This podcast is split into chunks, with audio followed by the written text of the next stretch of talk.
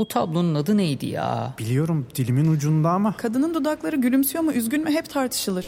Sadece tablonun adı değil, etrafındaki çerçeve, bulunduğu müze, hakkında çıkan haberler, eserin sahibi ve daha birçok bilgi Samsung Galaxy S24 serisi ve Circle to Search ile dilinin ucunda değil, parmağının ucunda. Galaxy AI ile gelecek işte bu kadar kolay.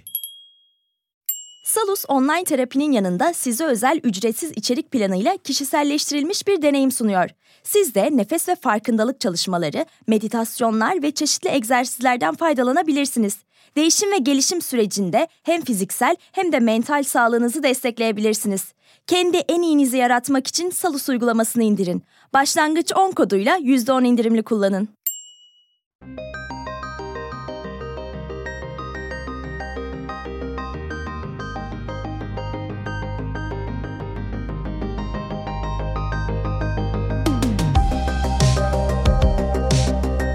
Hoş geldiniz. Herkes iyi mi? Sorular hazır mı? Süper. Şimdi bugün çok güzel bir sebep için aslında buradayız. Daha yeni başlıyor podcast'i. Aslında daha yeni başlıyor'un hikayesini de hani konuşuruz öncesini. Burada sizin için aslında içerik üreten iki kişi var. Neden böyle bir şey yapıyorlar? Onları biraz konuşacağız. Bakış açılarını anlamaya çalışacağız dünyaya karşı. Sonrasında da sizlerden sorularınızı alacağız. Sonra da böyle bir muhabbete döndürürüz. İşi hoş geldiniz Faruk Bey. Hoş geldiniz. Merhaba, canım. hoş bulduk. Hoş bulduk Eren. Şimdi bir şeyden başlayalım yani. Daha yeni başlıyor ismi. Şimdi kitabınızın da ismi, podcast'in de ismi. Sizin için neden bu söz önemli? Neden daha yeni başlıyor? Türkiye Bilişim Vakfı olarak söyleyeyim. Şimdi biz vakfı 1995 yılında kurduk. Ya aşağı yukarı işte 28 sene, neredeyse 30 sene yaklaşıyor. Temelde bunu yapmamızın nedeni de işte o zamanlar 80'li yılların sonunda internet diye ne idüğü belirsiz bir şey çıktıydı ortaya. Şimdi bu tabii bu Hazirun'a çok acayip gelen bir şey ama hakikaten o dönem içinde kimsenin anlayamadığı bir şeydi. Hani ilk 500 bin kişi arasında herhalde interneti kullanan ilk insanlardan biriydim Türkiye'de. Ve insan yani biraz da yayılmaya başladıkça işte 90'lı yılların başında insanlar bunun ne olduğunu merak ettiler.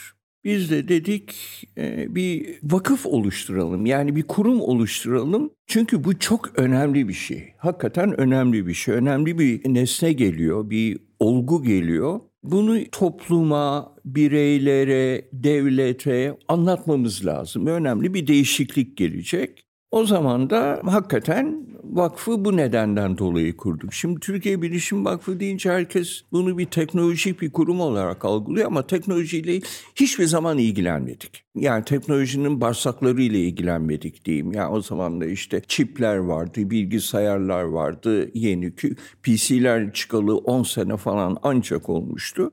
Oradaki teknolojik gelişmeler herkesin ilgisini çekiyor ama bu gördük ki bir şeyi etkileyecek. Ve bunun davranışsal olarak ne etkisi olabilir diye bunu araştırmak istedik, incelemek istedik. Ve bu konuda devlet babayı olsun, bireyleri olsun anlatmak istedik. Bu nedenden dolayı Türkiye Bilişim Vakfı çıktı. Yani şimdi bugün baktığınız zaman yani hakikaten ben çok şaşırıyorum doğru bir şey yapmışız. Çünkü herkes işin teknolojisine odaklandıydı. Hayır, teknolojisi değil. Bunun getirdiği bir davranışsal farklılık vardı olacaktı, gelecekti. Bizim o zamanki düşüncemizin on binlerce katından daha farklı oldu ama insanlar en azından düşünmeye başlamıştı. Şimdi ben bir şey söyleyeceğim, sizlere sorayım. Aranızdan birisi bana parmak şaklatmayı tarif etsin. Ama parmağını şaklatmadan nasıl yaparsınız? İlk başta böyle baş parmağımızla orta parmağımızı birleştiriyoruz. Evet. Daha sonrasında hafifçe böyle baş parmağımızı orta parmağımızdan kaydırarak işaret parmağımıza doğru Şöyle. Evet. evet. şöyle bir e, hareket yapıyoruz. Evet, Bu şöyle hız- yapıyorsun. Evet, bunu hızlı Şey, yaparsak ses olur. interneti internet olmadan anlatmak böyle bir şeydi. tamam mı? Yani yok kimse bilmiyor ne olduğunu. Ortada bir internet lafı dolaşıyor. Biz elimizde asa, ayağımızda çarık oradan oraya gezip internetin ne olduğunu ya nasıl anlatırsın? Nasıl anlatırsın? Fakat ondan sonra tabii deli gibi patladı. O zaman dedik ki bu çok farklı bir şey olacak. Ve şimdi sizin kuşağınız geldi ondan sonra. Yani bilmiyorum sizin yaş ortalamanızın 30 olduğunu bile zannetmiyorum ben. Yani 30'dur e, internetin ortaya çıktığı zaman 30 sene oldu. 30 seneyi biraz geçti. Yani biz internet içine doğmuş kuşağı anlamakta nasıl zorlanıyorsak sizin de internet öncesi dönemi anlamanız o kadar zor. Daha yeni başlıyor adı ondan dolayıdır. Yani tarihin çok önemli bir dönüm noktası olarak kabul ediyorum. Herhalde niye olduğuna zaten daha sonra gireriz diye düşünüyorum. Ondan sonraki gelişmeler vesaire vesaire devam etti. Onun için de adı daha yeni başlıyor oldu. Senin için anlam ne Ceren? İşin biraz magazinsel tarafından bahsedeyim ben de. İşte 2016 yılında Faruk abinin daha yeni başlıyor diye bir kitabı çıktı zaten ve ondan sonra biz onun momentumunu e, başlangıç noktası adında bir hani TBV'nin altında bir platform kurarak değerlendirmeye çalıştık. İşte başlangıç noktasının da TBV'nin genç kolu olmasını hayal ettik ve o zamandan beri de işler iyi gitti ve hala da faaliyetlerimizi sürdürüyoruz. İşte tabii o daha yeni başlıyordan sonra her zaman bu konuyla ilgili paylaşımlarımız sürüyor, okuyoruz, okuduklarımızı konuşuyoruz, yeni kavramlar geliyor, onları anlamaya çalışıyoruz. 2021 yılında bir manifesto çalışmasına girdik Faruk abiyle beraber. inandığımız şeyleri topladığımız bir belge oluşturmak istedik. O belgede işte hani interneti biz nasıl algılıyoruz? Onun daha iyi olması için algoritmik, kanuni ve sosyal nasıl değişimler olması gerekiyor ve bu değişimlerin öncüsü biz Türkiye'de ve daha sonra globalde nasıl olabiliriz? Aslında biraz böyle bir siyasal öneriler içeren bir belge üzerine çalıştık. Çok da güzel gitti o çalışmamız ve güzel böyle 11 sayfalık bir belge çıktı. Daha sonra dedi ki bunu işte podcast'e çevirelim. Bir belgesel projemiz oldu. Ben de isim düşünüyorum. İsmin de böyle pozitif bir şey ve biraz böyle değişimle ilgili bir şey olmasını hayal ediyoruz. Mail attım Faruk abi dedim ki değişmem lazım nasıl bir isim? Yani böyle düşündüm böyle iki gün boyunca değişmem lazım, değişmem lazım. Hani biraz böyle melankolik ama ilgi çekebilir, olabilir falan. Faruk abiden hemen cevap geldi. Daha yeni başlıyor nasıl bir isim dedi. Ben de valla benimkinden daha iyi bir öneri dedim. Sonra öyle oldu yani böyle bir 10 dakikalık bir mail iletişimiyle. Evet, evet. Ben çok seviyorum ismini. Üç kelime olmasını seviyorum. Bir umut vermesini seviyorum. Devamı olmasını seviyorum. Çünkü aslında bizim podcast'te vermeye çalıştığımız hissiyat bir şeye karar veriyorsun hayatlı ve her şey o kararla ilerlemiyor. Sürekli o gündelik bir e, bakış açısı, gündelik bir pratik. O yüzden o pratiğin hissiyatını verdiğini düşünüyorum. O yüzden daha yeni başlıyoruz. Şimdi değişim zaten podcast'in bölümlerinde de sürekli ele aldığınız bir konu. Değişimin farklı katmanlarını değerlendiriyorsunuz. Dönem olarak da şu an zaten değişimin yüksek olduğu bir, değişim hızının diyelim, yüksek olduğu bir dönemden geçiyoruz. Hem yerelde hem globalde. Ama geriye dönüp baktığımızda da değişim hiçbir zaman durmadı. Şimdi değişim o zaman her zaman olacak varsayımıyla hareket edip bunu içselleştirmemiz gerekiyor. Ama diğer taraftan da hani değişim kolay bir şey de değil. Bunu nasıl yönetebiliriz? Yani bu hem belki bizim için hem de şu an profesyonel hayata atılacak olan arkadaşlar burada hani bir yerde çalışmak olabilir. Kendi girişimini yapmak isteyenler olabilir. STK'larda çalışmak isteyenler olabilir. O değişimi nasıl yönetebiliriz? Ceren senle başlayalım.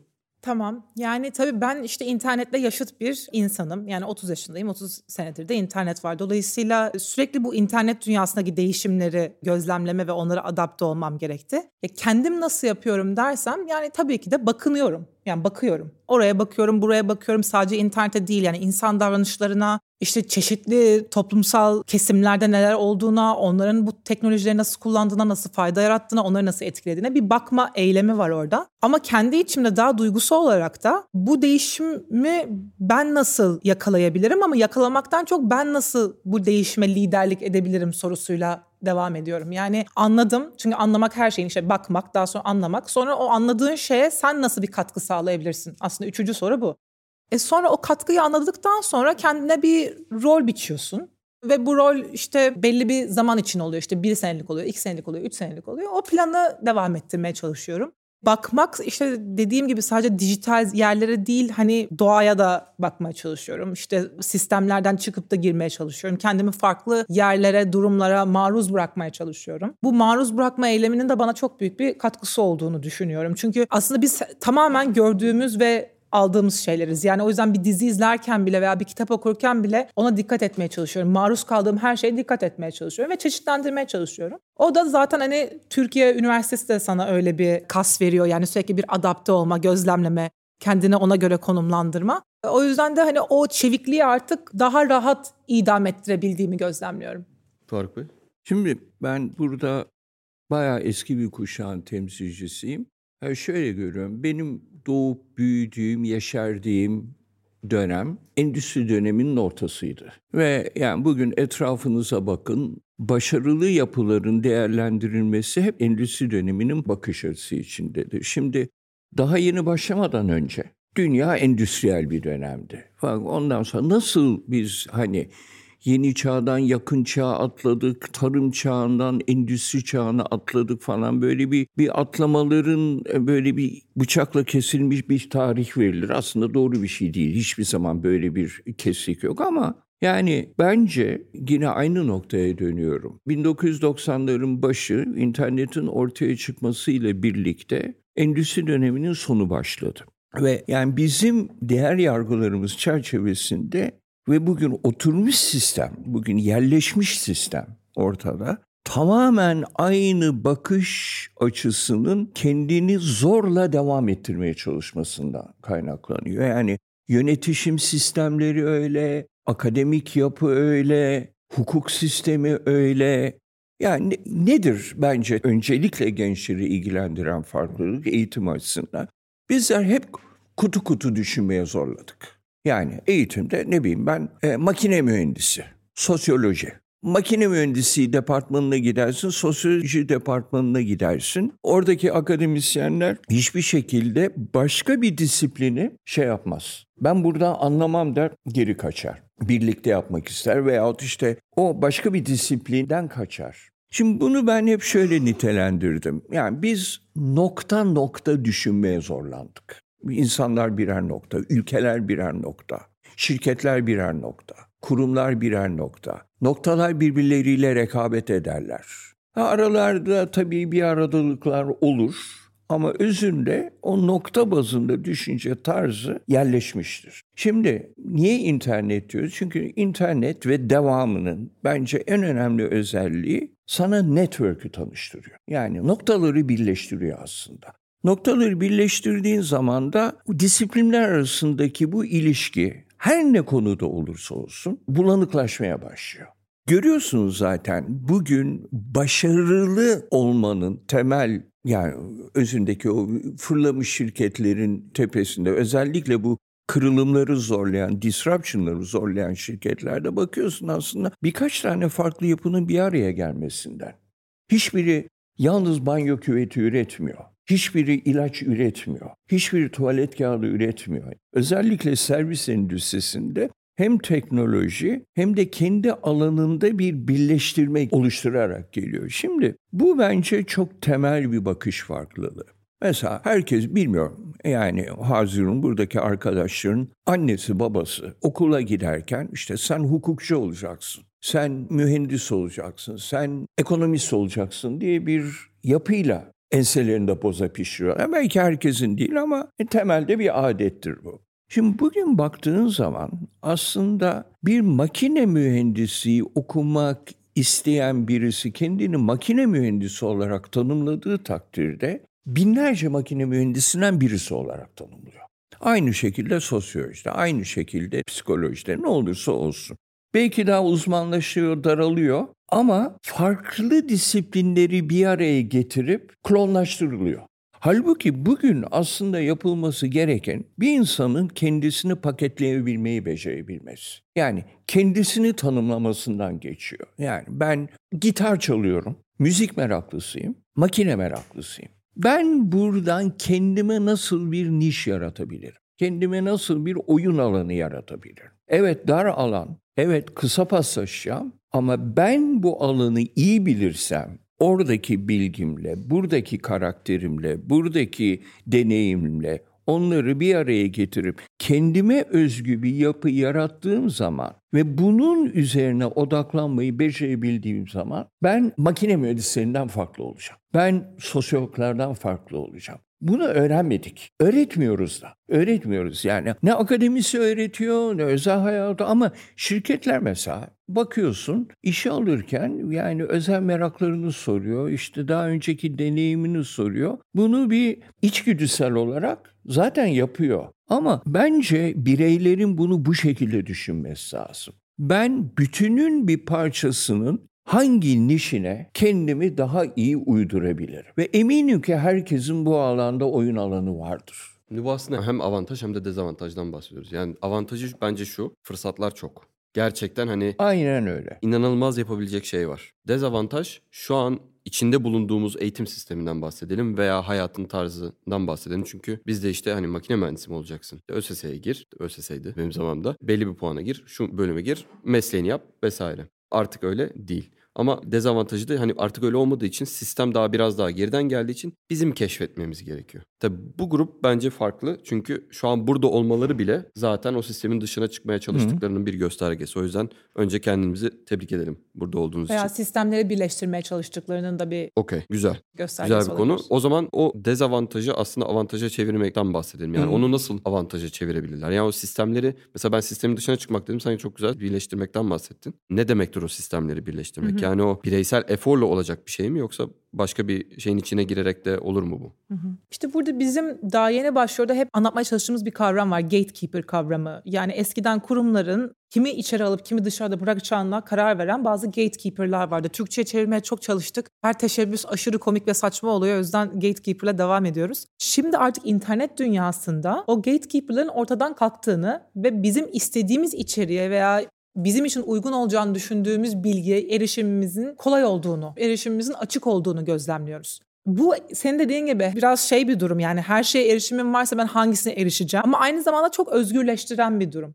Bunun özgürleştirici etkisini hissedebilmemiz için buradaki gücümüzün farkına varmamız gerekiyor. Yani burada bir seçme gücü var. Seçme gücü olduğu için de yine tekrardan kendimize dönüp ben burada neyi almak istiyorum? İyi içerikle kötü içeriği fark edebilecek ve iyi içeriğe kendimi yönlendirebilecek becerilerim var mı? İşte buna okur yazarlık deniyor genelde. İşte teknoloji okur yazarlığı, içerik okur yazarlığı, finansal okur yazarlık. Aslında okur yazarlık nedir? E, iyi tercihle kötü tercih arasında bir tercihte bulunabilmek için kendini eğitme becerisi gibi bir şey. O okur yazarlığı edinmek gerekiyor. Bu da aslında bir ağ okur yazarlığı. Yani o ağdan ben neyi çekeceğim kendime doğru veya neden kendimi uzak tutacağım?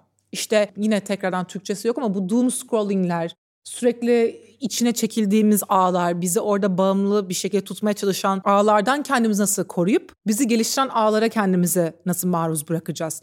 Bu da bir noktadan sonra hani ağlarda geçirdiğin zamanla ilgili bir farkındalık gerektiriyor her şeyle olduğu gibi. O farkındalıkta kullandığın, nasıl kullandığına dikkat etmek, telefonu nasıl kullanıyorsun, interneti nasıl kullanıyorsun, zamanını neye ayırıyorsun? Çünkü aslında telefona bakmak sadece telefona bakmak değil yani bu böyle hani bir insana bakmak gibi bir şey. Bir sürü şey geçiyor aklından. Bir sürü şey yapıyorsun telefona bakarken. O zamanı çeşit ayrıştırmak, ilk onun bir farkına varmak ve daha sonra o telefona bakarak veya e, bilgisayara bakarak geçirdiğin zamanda neye bakacağının bilinçli bir tercih olmasını sağlamak gerekiyor diye düşünüyorum. Faruk abinin verdiği bir örnek var. Yani internet bizim ağları farkına varmamızı sağladı dedi. Ben bunu şeye benzetiyorum. Aydınlanma döneminde işte insan vücudunu keşfettik. Leonardo da Vinci'nin de bununla ilgili bir sürü çalışması var biliyorsunuz. İnsan vücudunu fark etmemizin sebebi biyolojiydi aslında. Biyoloji bilimi çıktı. E, biyoloji bilimi çıkınca biz artık bağırsağımız, işte kalbimiz, her şeyimiz nasıl çalışıyor anladık ve işte kendimize daha iyi bakmayı anladık. İşte nasıl yiyeceğiz, nasıl hareket edeceğiz, nasıl uyuyacağız. Ağlar da şu anda bizde öyle bir paradigma değişimine sebep oluyor. Ağları anladığımız için o ağlarda işte nasıl yiyeceğiz, nasıl içeceğiz, nasıl uyuyacağız onları çözmemiz gerekiyor. Bunların hepsi zaten bize gelecek olan beceriler ama bizim hedefimiz sizin yaş grubunuzun, bizim ülkemizdeki gençlerin bu farkındalığa bir nebze olsun daha hızlı, daha çevik bir şekilde ulaşması. Yani bizim de tabii hep beraber yani biz ulaştık da sizi buyur ediyoruz gibi değil de hep beraber oraya daha hızlı şekilde ulaşıp oradaki fırsatlardan ve avantajlardan daha çok yararlanmayı sağlamak. Bu ağ konusuna aslında biraz odaklanmak istiyorum. Çünkü yine sizin podcastlerde bahsettiğiniz ve üzerine gittiğiniz bir konu. Yine buradaki arkadaşlar bence biraz onun farkındalıkları yüksek ağ Hı hı. konusunda. Çünkü işte Isaac olsun, Boğaziçi'ndeki kulübe olsun vesaire hani bir ağın içindeler aslında. Hı hı. Şimdi bilmiyorum senin nasıl deneyimin ama yani genelde böyle bir bireysel yeti geliştirme üzerine bir şeyden geldiğimi düşünüyorum ben öncesinde. Ama internetle birlikte gerçekten bu ağlara giriş yapma ve ağlardan öğrenme, ağlarla kendimizi geliştirme çok daha kolaylaştı. İnternetle birlikte hani ağları fark ettik. Bence yeni ağlar hı. aslında yani yepyeni küçücük böyle nişlerden oluşan ağlar da oluştu. Bu ağların bireysel gelişime katkısı sizce ne? Yani bu bir sadece biriyle tanıştım ve o biri bana yeni bir fırsat verdi mi? Yoksa bireysel yetimi geliştirmeme sebep olduğu da mı var bu işin içerisinde? Eğer herhangi bir alanda kendini geliştirmek istiyorsan, yani tanımladığı bir alanda o alanı odaklanmak için sağlanacak imkandan bahsediyoruz. Yani bu network dediğimiz zaman kokteyllerde elimize bardak alıp insan tanımaktan bahsediyoruz. Aklı bulmaktan bahsediyoruz. Ve açıldıkça ortam bu akılla yani hangi konuda istiyorsan ona ulaşma imkanın gittikçe daha artıyor. Zaten iyisiyle kötüsüyle kötü tarafına gelebiliriz daha sonra ama bu şurada bir özelliği var bu ağların ve disruption'ın, kırılımların bir özelliği var. Bireyin etki gücünü kendi tahmin ettiğinden çok daha fazla arttırıyor. Onu geliştirebilmek artık kendisine kalmış bir şey. Ne kadar ben bunu nasıl geliştiririm? Yani risk almayı niyetli miyim, değil miyim? Ben burada kapasite olacak mıyım, olmayacak mıyım sorusu artık o insanın kendisine kalmış bir şey. Nasıl planlanacağı da kendisine kalmış bir şey. Ne kadar zamanda da gideceği kendisine kalmış bir şey ama eğer niyet ederse olabilecek her alanda bugünkü kendisine parmakla gösterilenin ötesinde olanaklar olduğunu düşünüyorum ben. Yeter ki arasın. Yeter ki arasın. Ve o, o yolculuğu benimse yani bireyin en büyük gücünün bunu planlayabilmek ve kendi içindeki potansiyeli değerlendirmek olduğunu düşünüyorum. Bunu iyi becerebilenler çok daha farklı yerlere geçecekler. Yani şimdi mesela şey konuşuyoruz ya yani ben İngilizce bilmiyorum. Birader bugün İngilizce öğrenmek için neredeyse herhangi bir masraf yapmana gerek yok. Yani şimdi bundan sonra benim şansım yoktu bunu yapmaya demeye insanların pek hakkı olmayacağını düşünüyorum. Yani bu bir şey değil. Hani bir lüks penceresinden bakıyor değil ama demokratizasyon süreci zaten buna getiriyor. Otomatik olarak getiriyor. Şimdi biz kırılımlardan bahsediyoruz. İşte disruption dediğimiz. Yani herhalde bu konuyu tahmin ediyorum biraz daha geleceğiz. Yani gittikçe artıyor. Gittikçe yeni fırsatlar çıkıyor. Bu fırsatlar bireyler için çıkıyor kurumlar için değil bireyler için çıkıyor. Bunu maksimum kullanıp kullanmamak insanların kendi. O zaman aslında hani çok fırsat var diyoruz. İşte o fırsatların bolluğu belki bizi zorlayabilir diyoruz ama diğer taraftan da kontrol de elimizde.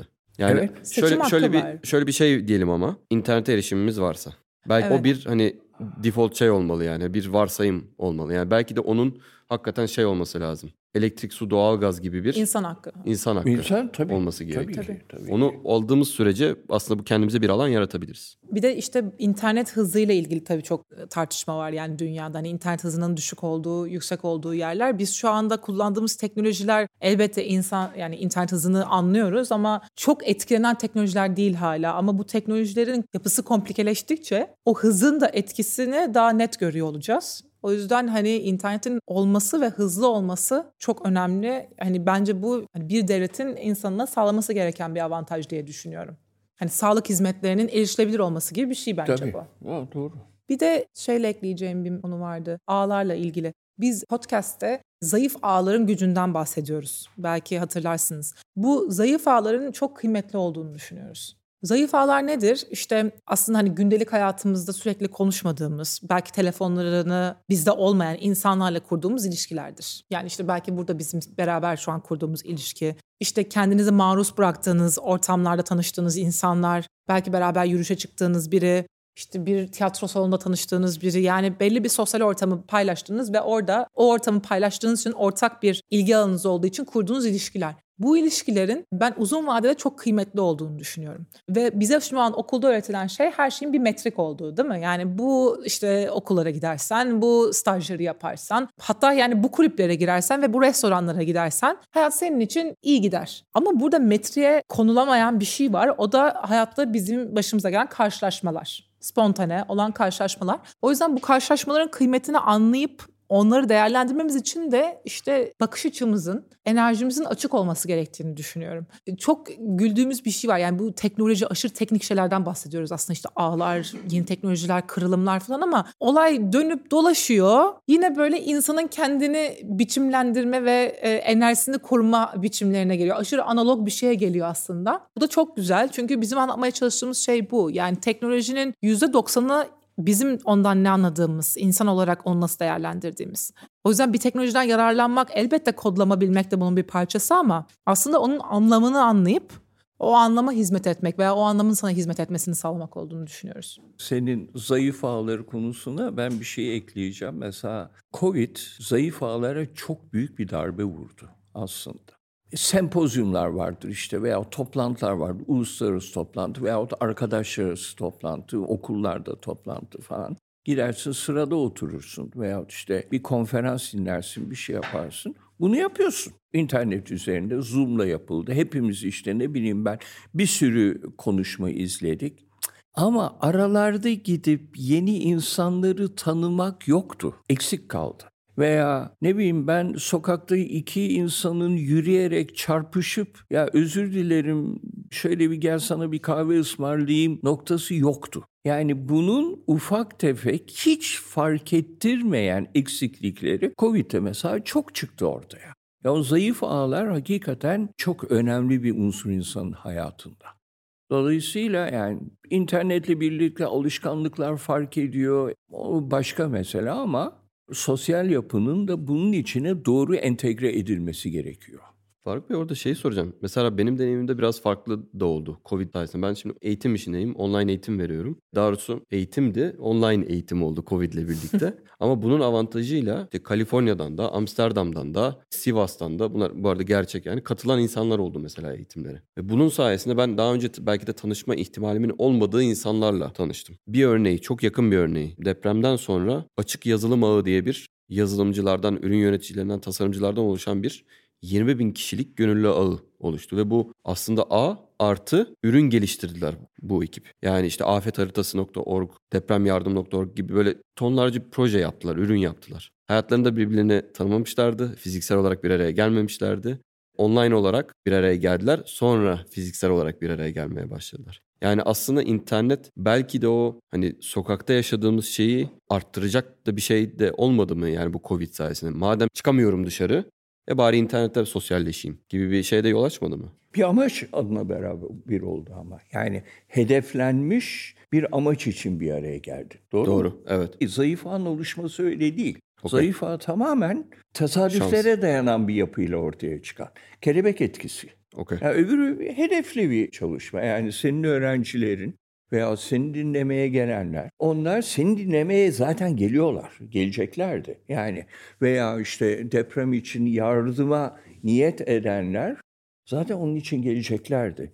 Zayıf ağ öyle değil. Tanrı'nın attığı zarlar zayıf ağda çok önem kazanıyor. Yani şöyle düşün mesela işte bir bu şimdi breakout room'larda Zoom'da yapılmaya Aynen. çalışılıyor aslında. İşte herkes böyle birbirine bakıyor. İşte merhaba, merhaba işte iyiyim sen nasılsın falan. Çünkü orada birbirimizin enerjisini hissetmiyoruz. Evet. Ama belli bir alanı kapladığında orada bir insan enerjisini hissediyorsun. Gözünü görüyorsun, işte elini nasıl kullanıyor, işte vücudun nasıl gözüküyor. Yani o bir şey yani ve o bilgi e, çok insana dair öz bir şey. Onu kaybetmek zaten sağlıklı toplumsal ilişkiler için de kötü bir şey. O yüzden beraber olduğumuz, kendimizi maruz bıraktığımız sosyal ortamların çeşitli olması gerektiğinden bahsediyoruz hep. Çünkü internetin de yani teknolojinin de çeşitli olması için buna ihtiyacımız var. Yoksa işte senin zaten eğitimine gelen, burada yani eğitimin çok güzeldir ve ne kadar güzel yani hani böyle sanki eğitimine bir şey söylüyor gibiyiz de. Senin eğitimine gelen insanlar zaten seninle aynı dünya görüşünü, Doğru. aynı Benzer. işte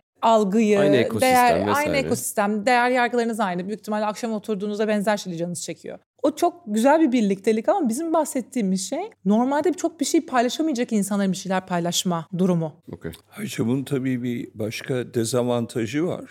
Yankı odaları oluşturuyorsun. Doğru. Yani zaten bilgi çok. Burada bir araya geliyoruz. Çok güzel. Aynı ilgi alanı içinde başkalarıyla bir arada olacağız. Herkes bunu yapacak. Bir de bakıyorsun bir müddet sonra birbirinden kopmuş derebeyliklerle bir araya geliyorsun.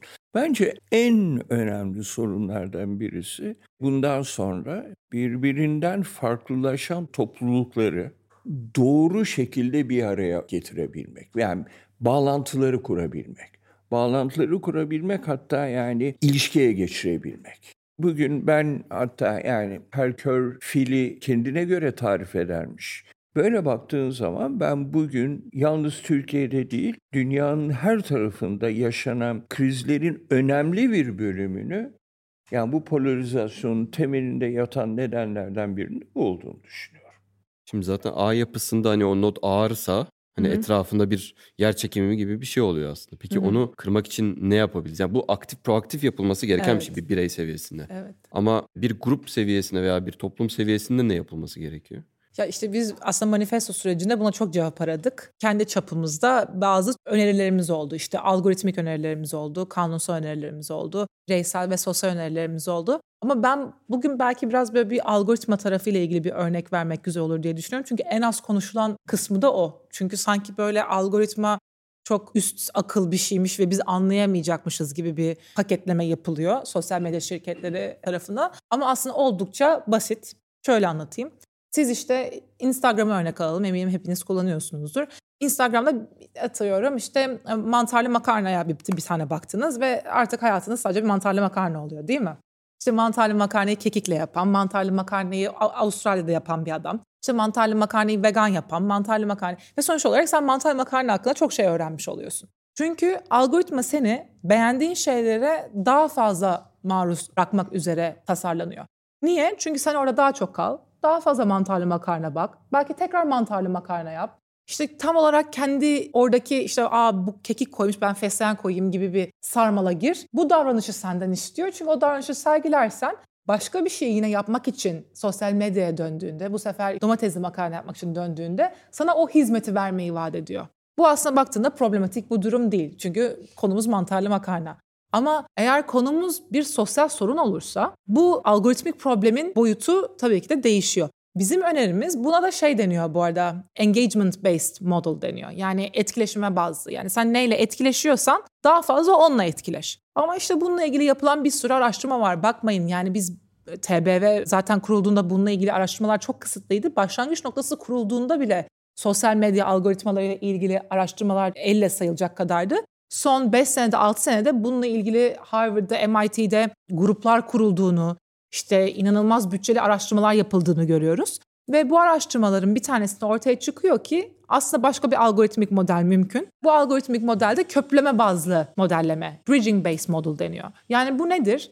O sosyal ağda, o dijital sosyal ağda daha fazla içeriği birbirine bağlayan kişilerin öne çıkmasıdır. Yani sizin yine mantarlı makarna yapan abla orada dursun ama o mantarlı makarna her gün yapmasın. Gitsin mesela sonra işte bir tiyatro oyununu görsün, onun hakkında yazsın. Sonra gitsin belki Kars'ta bir tane peynir yapma atölyesine katılsın. Yani kendine yeni şeyler katan, sürekli aynı gruba aynı içeriği sunan değil de farklı gruplara farklı içerikler sunmaya çalışan kişilerin öne çıkmasını destekleyen bir modelin de mümkün olduğunu gösteriyorlar ve bunun aslında e, bir şirket kararı olduğunu söylüyorlar. Yani dolayısıyla farklı bir yol mümkün ama bu yolun seçilmemesinin sebebi de o etkileşimin para getirmesi. O etkileşimin para getirmemesinin de tek yolu bizim o etkileşimi sağlarken ürettiğimiz verinin tanımının ve anlayış biçimimizin değişmesi. Yani o veri şu anda bizim görebildiğimiz, hissedebildiğimiz, ölçebildiğimiz, takas edebildiğimiz bir şey değil. Ama bu hep böyle olmak durumunda değil. O veriyi farklı bir şekilde tanımlayabiliriz. Ekonomik tanımını oluşturabiliriz. Bizim hayatımız için tanımını oluşturabiliriz. Belki kendimiz o verileri muhafaza edip istediğimiz durumlarda açıp istediğimiz durumlarda açmayabiliriz. Bununla da ilgili çok çalışma var ama şu anda piyasa henüz bunu içselleştirmedi. Yani bu aslında bir karar. Bu bir şirket kararı, bu bir politik bir karar, bu bir kar etme kararı ve bu değişebilir. O yüzden yankı odaları da aslında evet bir- yani çok büyük bir sorun ama buna mahkum değiliz. Bunlar değişebilirler. Bunu anlamak gerekiyor. Biz sanki bu teknolojiyle, internetle ilgili konuşurken her şey sanki hep böyle gidecekmiş gibi geliyor. Yani Facebook hep böyle gider, Instagram hep böyle gider, Twitter hep böyle gider ama burada Ta bir ki- değişme Ta ki bir şey olana, ta ki bir şey olana, olana kadar. kadar. Ondan sonra da zaten bütün anlayış değişiyor.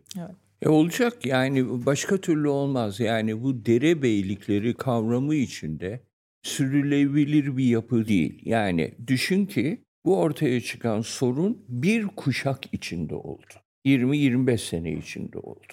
Bu yankı odaları, polarizasyon veya izolasyon yapısının bir kuşak daha devam ettiğini düşünecek olursan dünya yanacak demek. Onun için buna mutlaka çözüm bulunması gerekiyor. Yani bu tabii ki her dönemin kendine ait çocuk hastalıkları oluyor. Yani bu reklam sistemi özellikle sosyal medyadaki ad sistemi buna çok çomak soktu. Veyahut bilgi alış sistemi. Yani sen tutuyorsun komşunun farklı bir dinden olmasını sorguladığın saniyeden itibaren sana akan bilginin şekli seni beş ay sonra ırkçı yapıyor. Bu yapı belli bir deneyimsizliğin getirdiği döngünün sonucunda oluyor. Buna bilerek yaklaşarak çözüm aramak lazım. Nitekim ki öyle olmaya başlıyor. Yavaş yavaş oluyor ama biraz yavaş gidiyor. Yani bu burada yani işin karanlık tarafının gelmesiyle düzelmesi arasındaki yarış birazcık daha hala karanlık tarafta. Ben umutluyum. Evet. Çünkü son zamanlarda o kadar çok hani hem globalde hem yerelde sismik değişimler oldu ki sanki o değişim hızı da artıyor gibi hissediyorum. En azından ben o taraftan bakmak istiyorum. Şimdi arkadaşları da hani soru kısmına da geçmeden son bir soruyu ben size sorayım. Hep podcast'te dediğiniz iki nesil konuşuyor burada. Dijital göçmen ve dijital sakin olarak. Ve çok güzel bir sağlıklı bir tartışma ortamı var aranızda. Birbirinizden öğrendiğiniz ve öğrendiğiniz değişim olan bir davranışınız var mı? Bunu sormak istedim.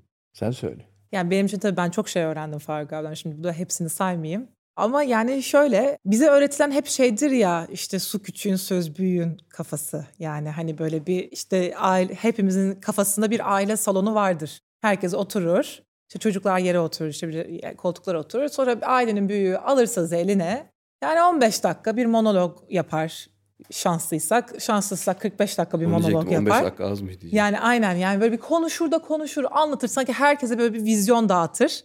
Herkes de kafa sallar. Biri çay koymaya gider. Herkes sıkılır söyleyemez falan filan ve ortam dağılır yani. Bu böyle bir şey herkes yaşamıştır.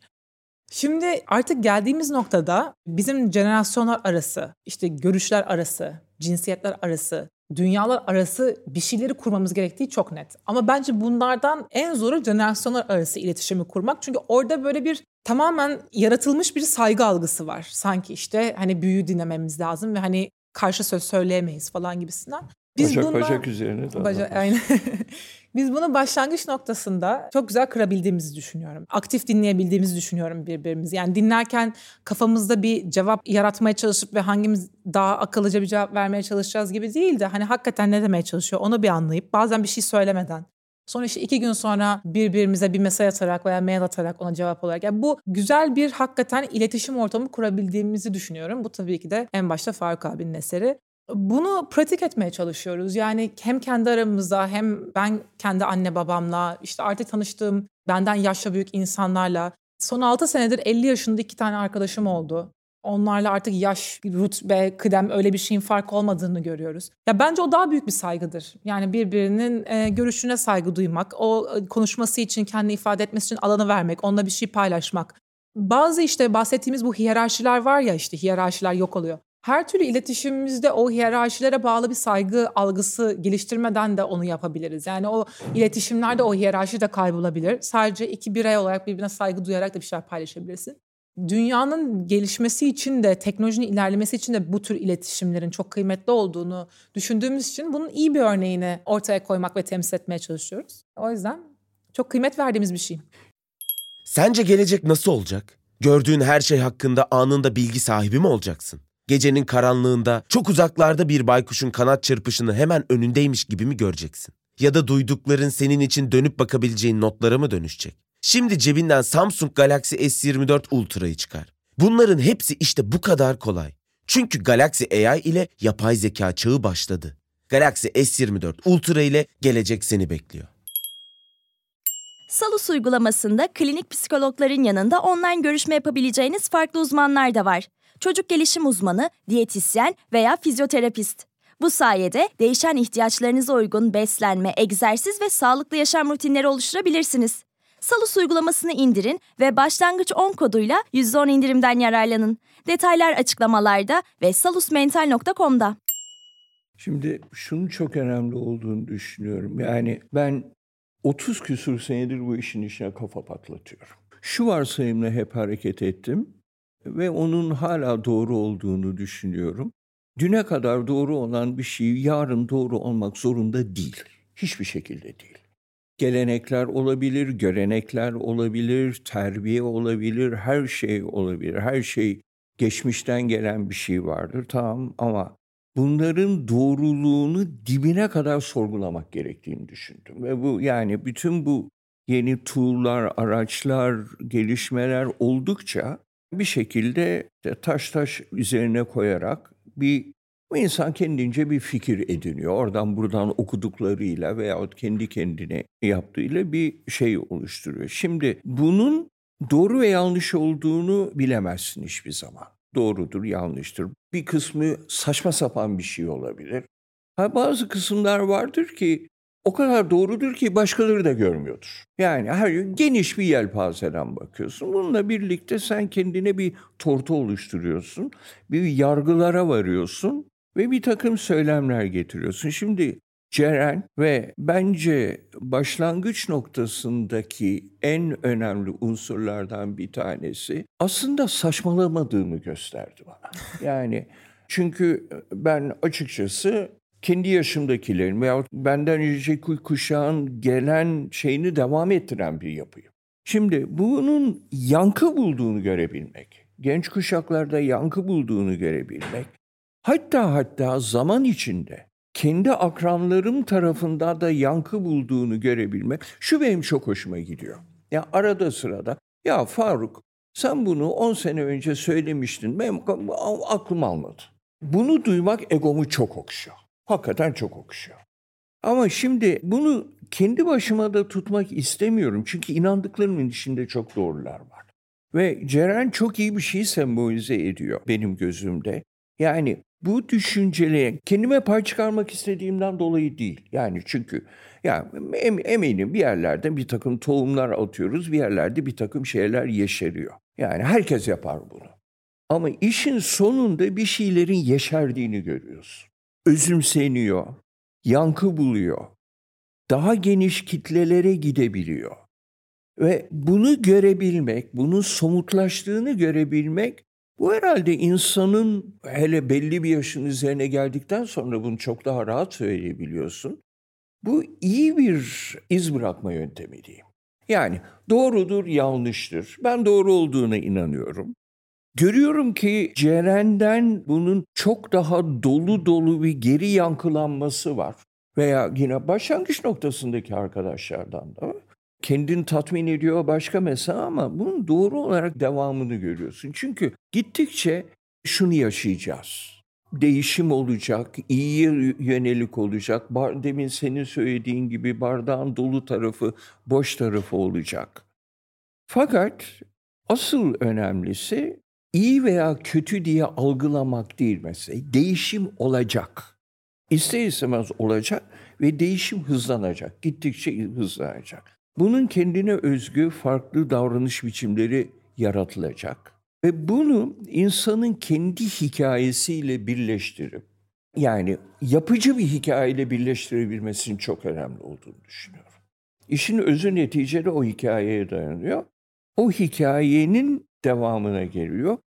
Burada çok güzel bir diyalog oluştu aramızda. Umarım devamı da gelir değil mi Ceren? Evet aynen öyle. Buradan da buraya gelmiş arkadaşlara sözü uzatayım. Ben daha soru sorarım ama burada önemli olan sizin sorularınız. O yüzden sahneyi size veriyorum. Sorusu olan varsa elini kaldırsın mikrofonu ulaştıralım. Ee, merhaba önceler, öncelikle teşekkürler söz hakkı için. Ee, benim sorum birazcık daha sizlerin de bahsettiği Z jenerasyonu üzerine olacaktı. Sizin de bahsettiğiniz üzere bu kuşak teknoloji içinde doğdu ve sık kullanımla büyüyen bir kuşak. Ve sizce bunun getirdiği genel iletişimsel alışkanlıklar neler e, bu kuşağa? Ve eğer hani bahsetmek isterseniz iş dünyasındaki Z jenerasyonuna bunun nasıl yansımalarını görüyoruz şu an günümüzde? Şimdi şöyle iletişim ben çok keyif alıyorum yani ben 30 yaşındayım ama kendimden böyle bir yarım jenerasyon küçük kişilerle iletişimde olmaktan çok büyük keyif alıyorum. Çünkü fark ediyorum ki çok farklı ilgi alanları var ve bunu hepsini beraber idam ettirebiliyorlar. Yani işte Fark abinin ifade ettiği gibi mühendis belki ama gitar çalıyor. İşte bir tane yemeği çok seviyor, onu iyi yapmayı çözmüş. Kendi kendine geçirdiği bazı zamanlar var. Yani bizim jenerasyonumuz sonuçta odasında tek başına oturup bilgisayar oynamış bir jenerasyon. Yani aynı şeyi belki Faruk abinin jenerasyonu için söylemek mümkün değil. O yüzden o bireyselliğin, o kendi yarattığın dünyada bir şeyler keşfetmenin getirdiği bir derinlik olduğunu düşünüyorum ve ondan çok büyük keyif alıyorum. Bu olumlu tarafı. Olumsuz tarafı yani olumsuz değil de belki hani birazcık daha hayatları zorlaştıran tarafı da çok farklı insan gruplarıyla iletişimde olmak. Yani belki kendilerine çok benzemeyen insanlarla iletişimde olmak. Onlar ne yapıyorlar, ne ediyorlar, onlarla nasıl konuşulur. Belki bunlarla ilgili böyle bazen bir farklılaşma görüyorum. Yani biz daha böyle büyük aile, herkes beraber sokakta, herkes birbiriyle konuşsun gibi bir birazcık büyüdük.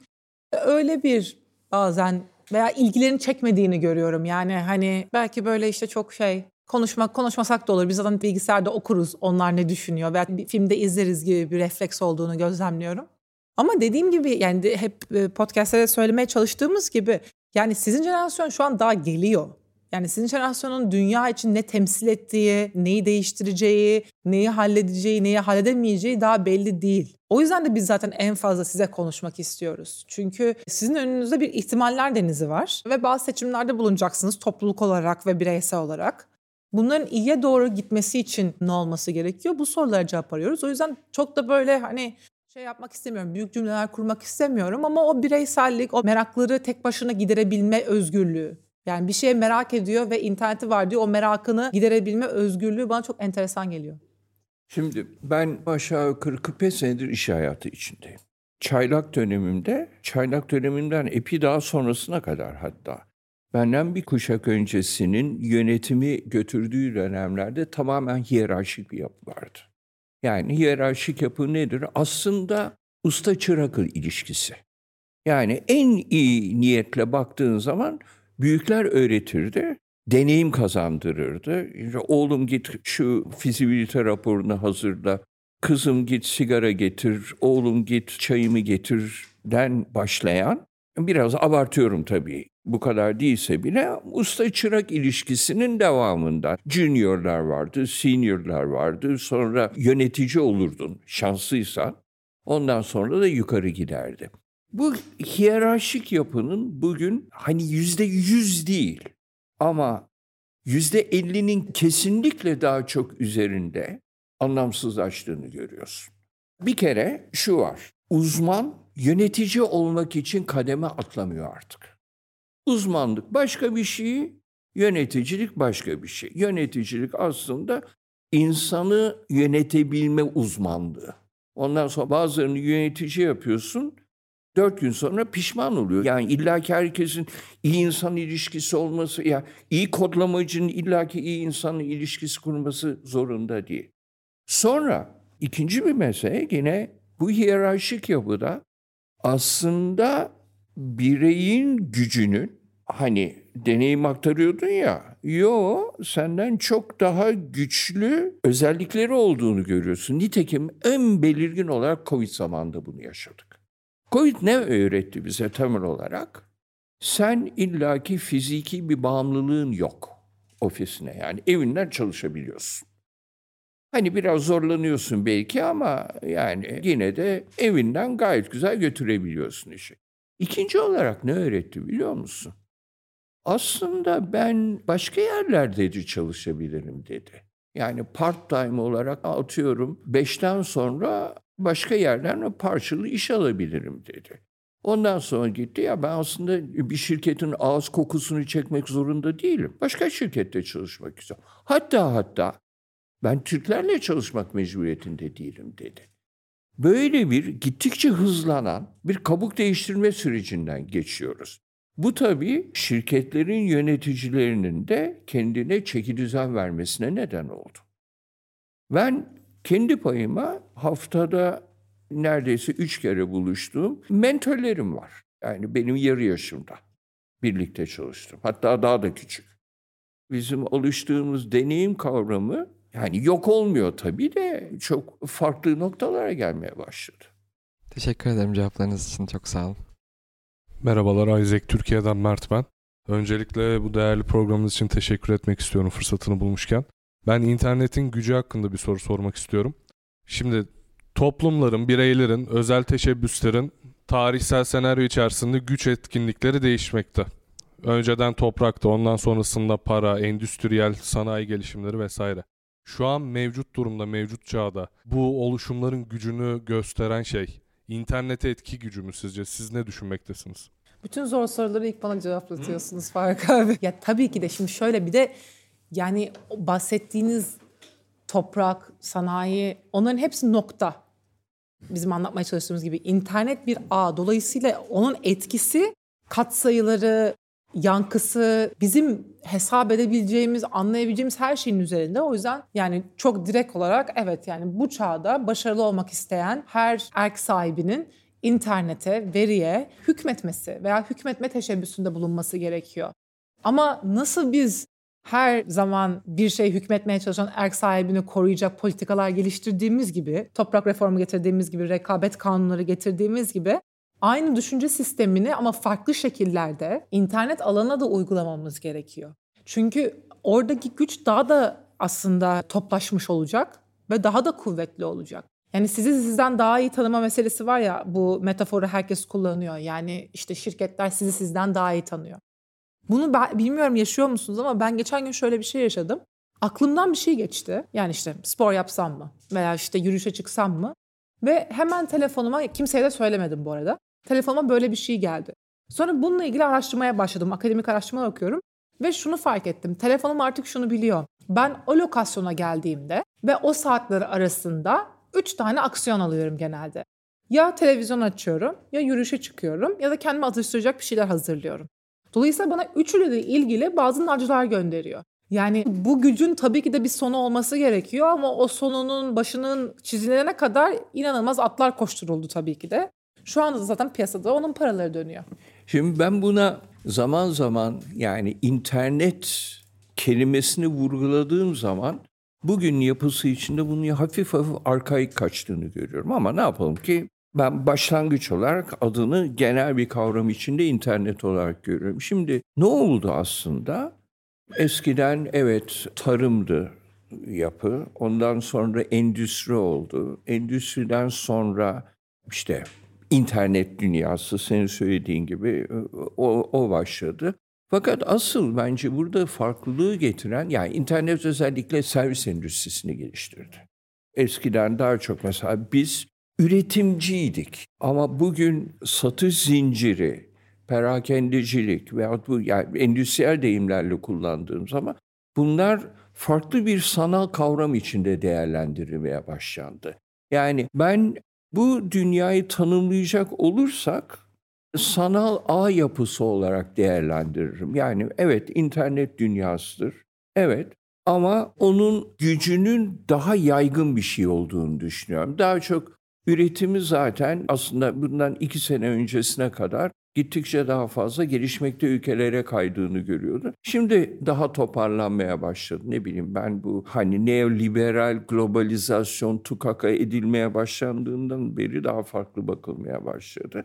Ben bunu şöyle görüyorum açıkçası. Tarım toplumu vardı. Tarım toplumu yöneticisi aristokrasiydi. Ama gücünü aristokratlardan, daha doğrusu e, yöneticisi imparatorlar, krallar işte mavi kanlı mahlukattı. Gücünü de toprak sahiplerinden, aristokratlardan arıyordu. Bitirdik, endüstri dönemine geldik. Endüstri döneminde güç üretim gücüydü. Ulus devlet kavramları geldi. Gücünü de burjuvaziden aldı. Şimdi üretim gücü başka yere, servis endüstrisine kaydı. Bunun liderliği de hala belli değil. Ee, şeyde işte elden ele servis endüstrisine or- oradan oraya akıp duruyor. Yani burada daha tanımlanması gereken, yerleşmesi gereken şeyler var. Aslında bugünkü yönetim sorunlarının ben yani iyice kuş uçuşu, kartal bakışı içinde baktığın zaman asıl sorunların bugün yaşanan temel küresel sorunların da buradan kaynaklandığını düşünüyorum.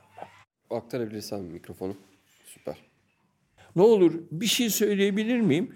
Çok naziksiniz. Teşekkür için vakit kaybetmeyelim ki sorulara geçelim hemen. ee, zaman kazanırız. Tamam. Ee, yüksek sesle konuşuyorum biraz. Ee, ben Seray. Ben biraz e, teknik tarafa kaymam umarım. Şöyle ki e, siz veri ekonomisinden, e, daha doğrusu verilerimizin ekonomikleşmesinden ve biraz da yaratıcı ekonomisinden bahsettiniz sosyal medya ile birlikte. Sosyal medyada ve hani onun geleceği benim çok ilgimi çekiyor. İster istemez benim aklıma Web3 teknolojileri geldi.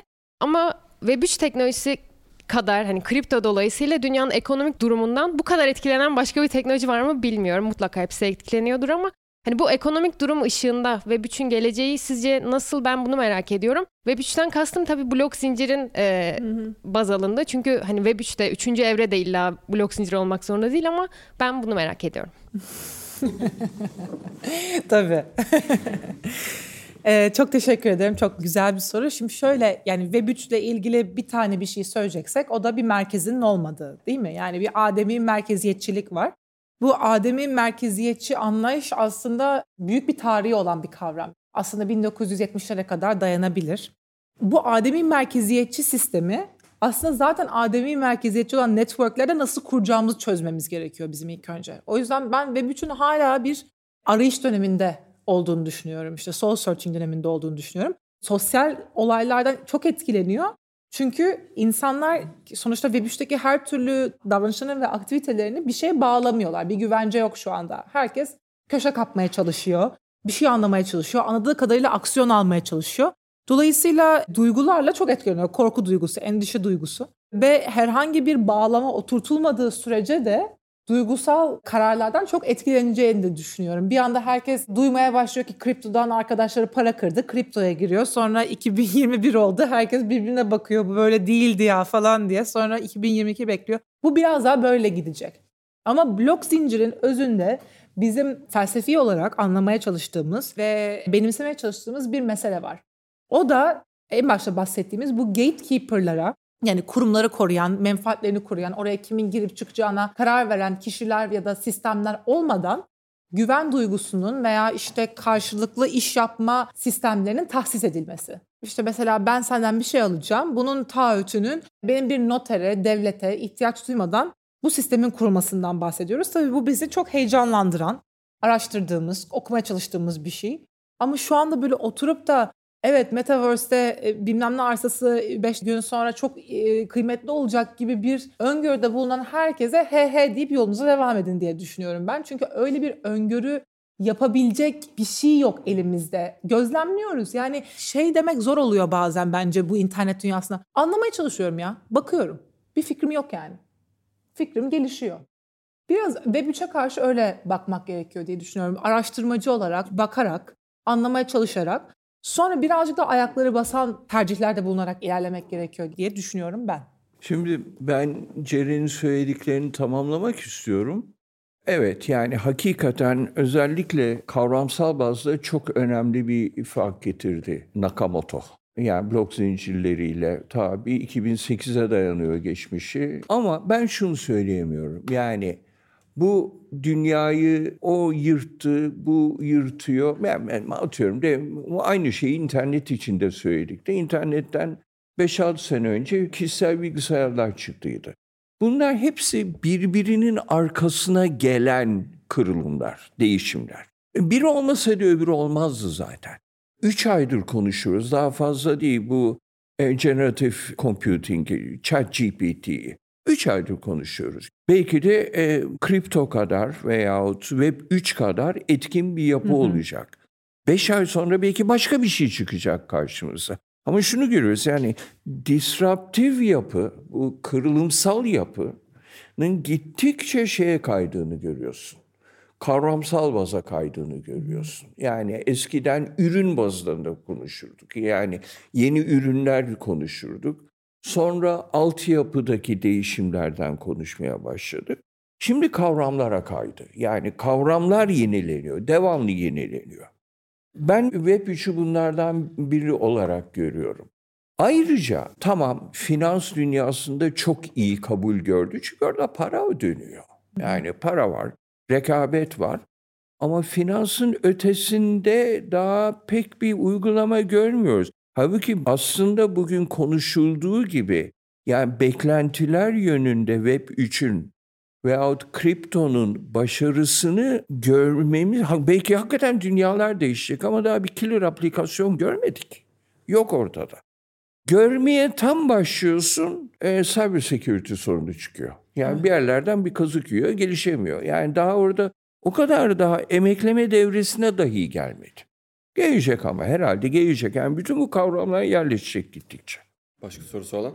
E, merhabalar. Aslında ben biraz daha yaptığınız işten çok ilham alıyorum. Çünkü ben de Podbee'de bir podcast yapıyorum ve hep genellikle yaşlı benden daha fazla olan kişilerle bölüm kaydederken sistemleri hacklemek için jenerasyonlar arası işbirliğinin çok inanan biri olarak çok heyecanlanıyorum. Bu noktada ben regeneration, onarıcılık kavramı üzerine çok kafa yoruyorum ve ben çağımızın ana meselelerinden birinin dağıtım sistemleri olduğunu düşünüyorum. Ne sistem? Dağıtım sistemleri, gelir, refah, bazen yoksulluk, risk yani genel olarak iyi ve kötü şeylerin dağıtımında büyük bir kriz yaşıyoruz ve sizce bu ağ yapıları ve bundan doğan bu bağlanma biçimlerimiz bu tahripkar ekonomiden ve durum içerisinden bizi onarma tarafına nasıl çekebilir? Yani bu ağ yapılarını nasıl dünyayı, toplumları ve bu dağıtım sistemlerini onarmak için kullanabiliriz?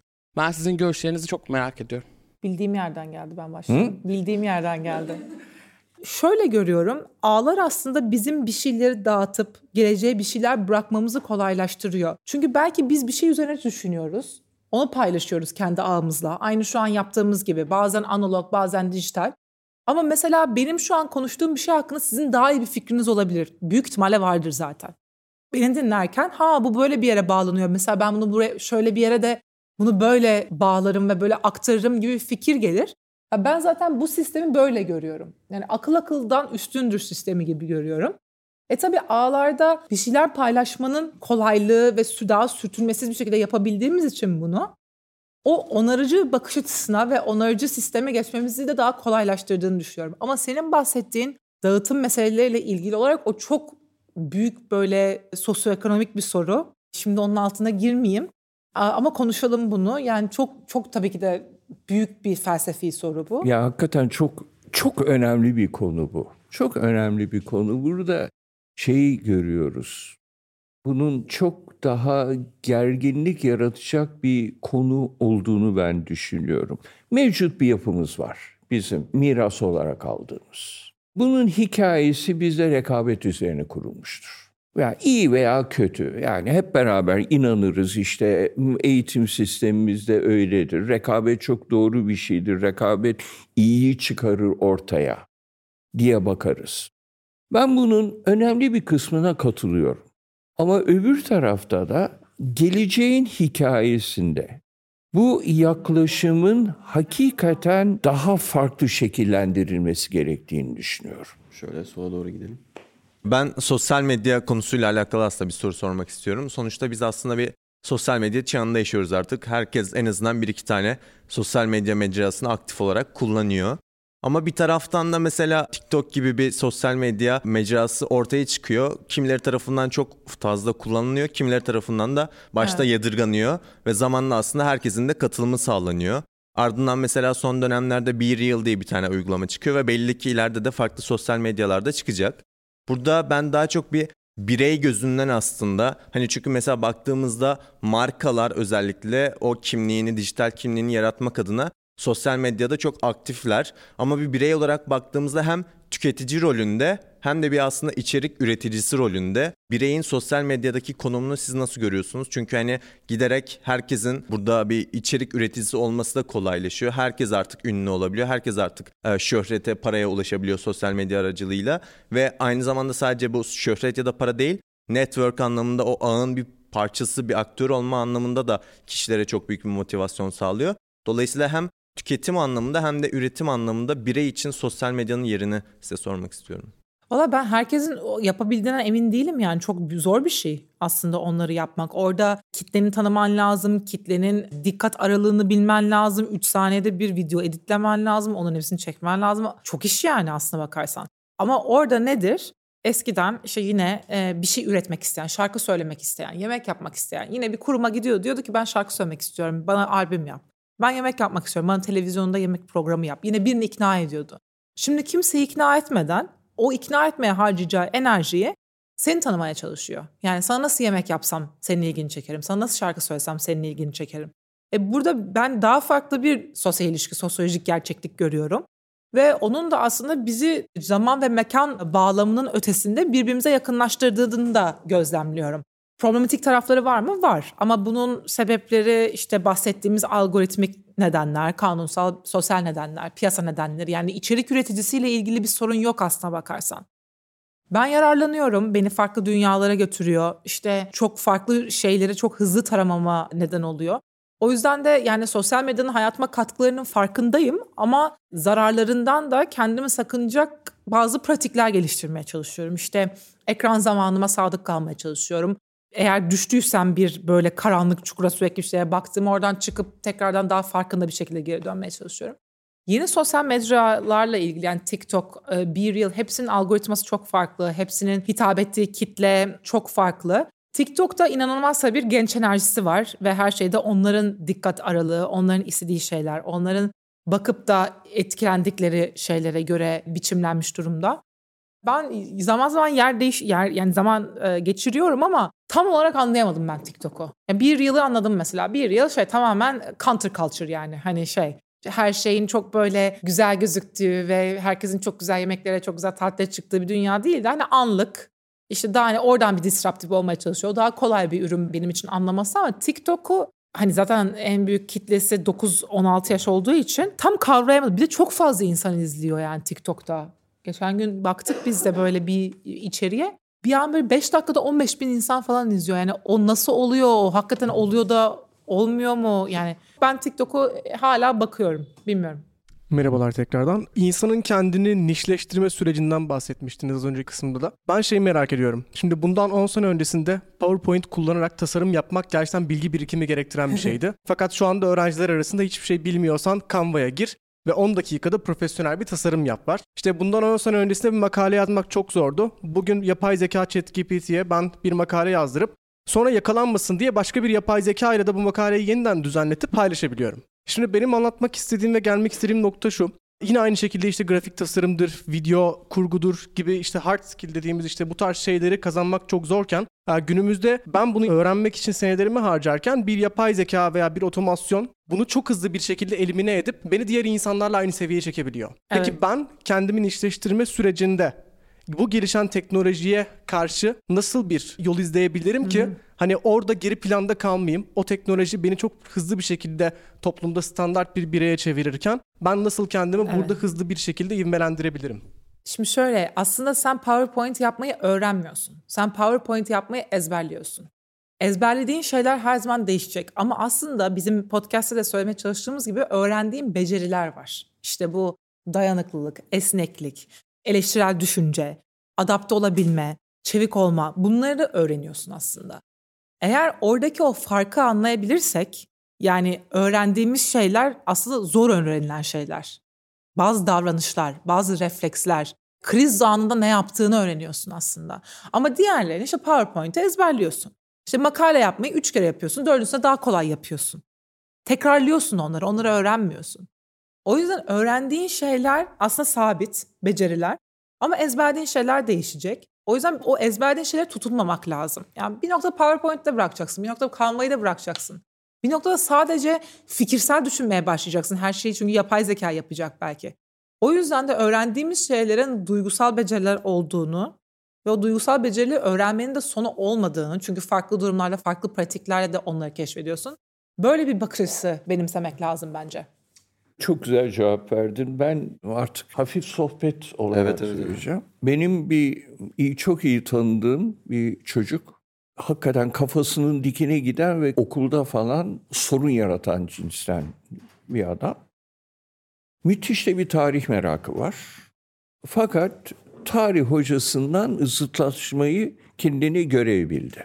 Her şeye gitmeden önce, o ders başlamadan önce Wikipedia'yı falan kullanarak o tarih konusundaki kendi bilgilerini ediniyor. Ders çalışmıyor yani. O derse hazırlanmıyor. Kitaptan ona verileni okumuyor. Başka bir şeyler hazırlanıyor. Ve ertesi günü okula gidip 30 senedir aynı şeyi öğreten hocasıyla zıtlaşıyordu. Çok sinir. Hocası da haklı olarak sinirle 30 senedir aynı şey öğretti kadın. Şikayetler vesaire falan ama da, sonunda tarih okudu. Bu çok iyi tanıdığım çocuk da benim oğlum. Evet. Tarihçi oldu sonunda kendi. Yani böyle bir mücadeleyi olacak bundan sonra. Yani tarihte de olacak, Şimdi biz kendi aramızda şunu konuşuyoruz. Şimdi bence çok önemli bir konu. Şimdi ya korkunç bir katastrof yaşadık. Ve bunu büyük bir ders olması gerekiyor. Eskisi olmadı ders. 99 yılındaki ders olmadı. Ama şimdi bir farklılık var. O zamanlar sosyal medya falan yoktu. Hafızaya yazdık. Yani artık hafızaya yazılı olarak yazma ihtimali daha fazla. Fakat bir müddet sonra unutulacak. Unutulacak. Yani bazılarımız unutacağız.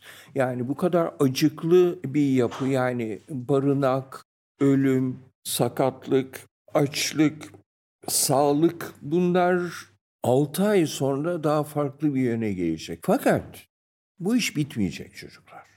3 tane şehir yok oldu.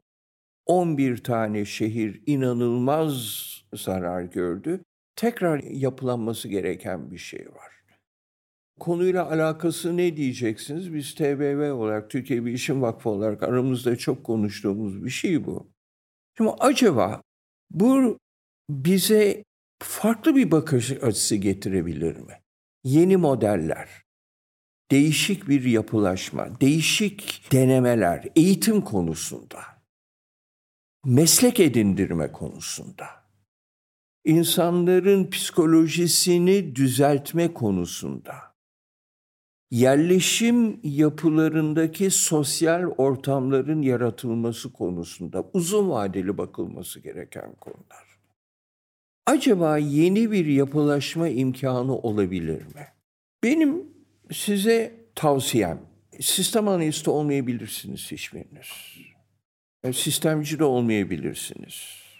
Sosyal bilimcisinizdir, yani mühendissinizdir bilemiyorum. Ama eski modellerle yürümüyor. Yeni modellerle kafanızı uğraştırın. Deneyin bakın var mı? Yani ben hangi yeni yapının bir parçası olabilirim? Hangi yeni yapıyı zorlayabilirim?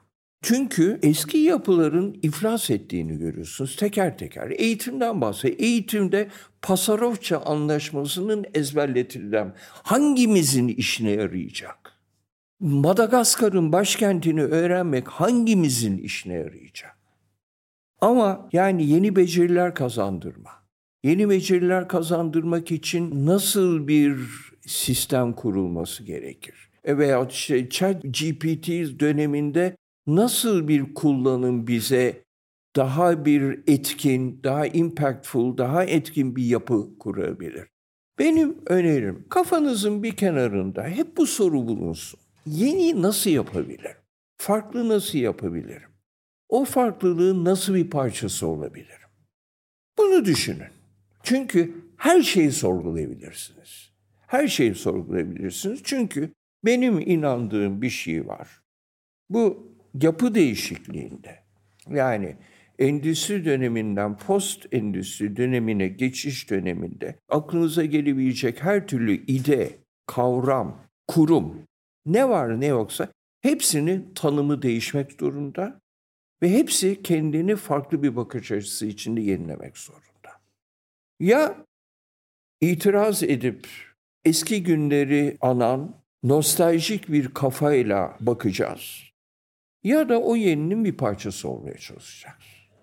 Kafanızın bir kenarında bulunsun. Son bir soru daha alalım. Senin Tamam. söylemek istediğin Yok bir ben şey var mı? alkışlayacaktım ya. Böyle bir oraya doğru çıktı diye düşündüm enerji. Evet. Son bir soru daha alalım. Ondan sonra sohbete ayakta devam edelim. Benim sorum biraz da aslında bu dijital dünyada konfor alanından çıkmakla alakalı olacak. Hmm. Yani çünkü kendi günlük hayatımızda konfor alanımızdan çıkmak için aslında farklı adımlar atmamız yeterli olabiliyor. Ya da işte o fear zone dediğimiz alana girmemiz bizim için yeterli oluyor. Ama yani tek tıkla her şeye ulaşabildiğimiz dijital bir dünyada kendi konfor alanımızdan nasıl çıkabiliriz? İşte burada bence tekrardan yankı odalarına bakmamız lazım. Bizi o yankı odalarında tutan şey ne? Yani o tabii ki de yankı odalarında kalmamızın sebebi her zaman haklı olma isteğimiz değil mi? Sosyal görüşlerimiz hakkında, yaşam tarzımız hakkında her zaman haklı olmak istiyoruz. Her zaman bizimkinin daha bir şekilde bir üstün bir tarz olduğuna inanmak istiyoruz veya doğru yol olduğuna inanmak istiyoruz. Aslında sosyal medyada konfor alanından çıkmak demek o yankı odasından çıkmak demek. Yani senin gibi orayı kullanmayan, farklı düşüncelere sahip olan, farklı pratikler için orayı kullanan kişilerin dünyasına bakmak demek. Bu gerçek dünyada olduğundan daha kolay tabii ki de. Çünkü yapman gereken tek şey bir tabi kapatıp diğer tabi açmak. Ama bunu istemiyorsun. Çünkü orada karşılaşacağın şeyin sende bir kızgınlık, sinir, tereddüt, bu duygulara sebep olmasını istemiyorsun. Çünkü bize bu duygularla nasıl başa çıkacağımız öğretilmiyor. Başka şeyler yine ezberletiliyor ama bu duygularla nasıl başa çıkacağımız öğretilmiyor.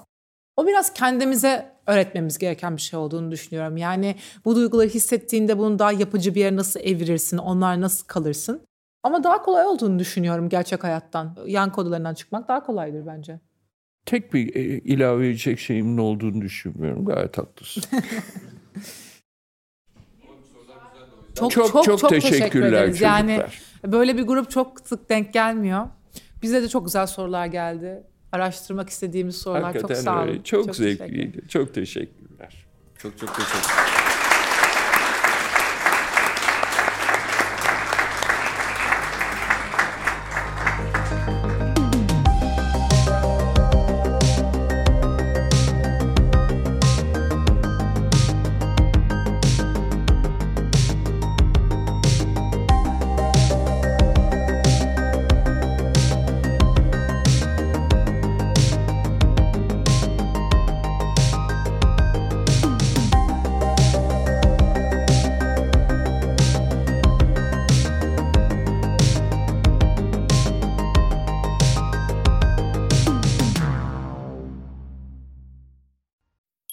Boğa ve Venüs arasında 120 derece üçgen açılarla desteklenecek. Yeni ay ve devam eden süreçlerde tutumlarımız önem kazanacak. Özetle pozitif olun.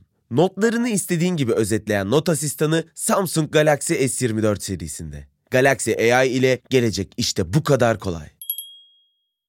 Salus yetkin psikologları ile terapiyi her yerden ulaşılabilir kılmaya devam ediyor. Yaşam tarzı değişiklikleri, adaptasyon sorunları, yalnızlıkla başa çıkma gibi konularda online terapi desteği için Salus uygulamasını indirin. Başlangıç 10 koduyla %10 indirimli kullanın.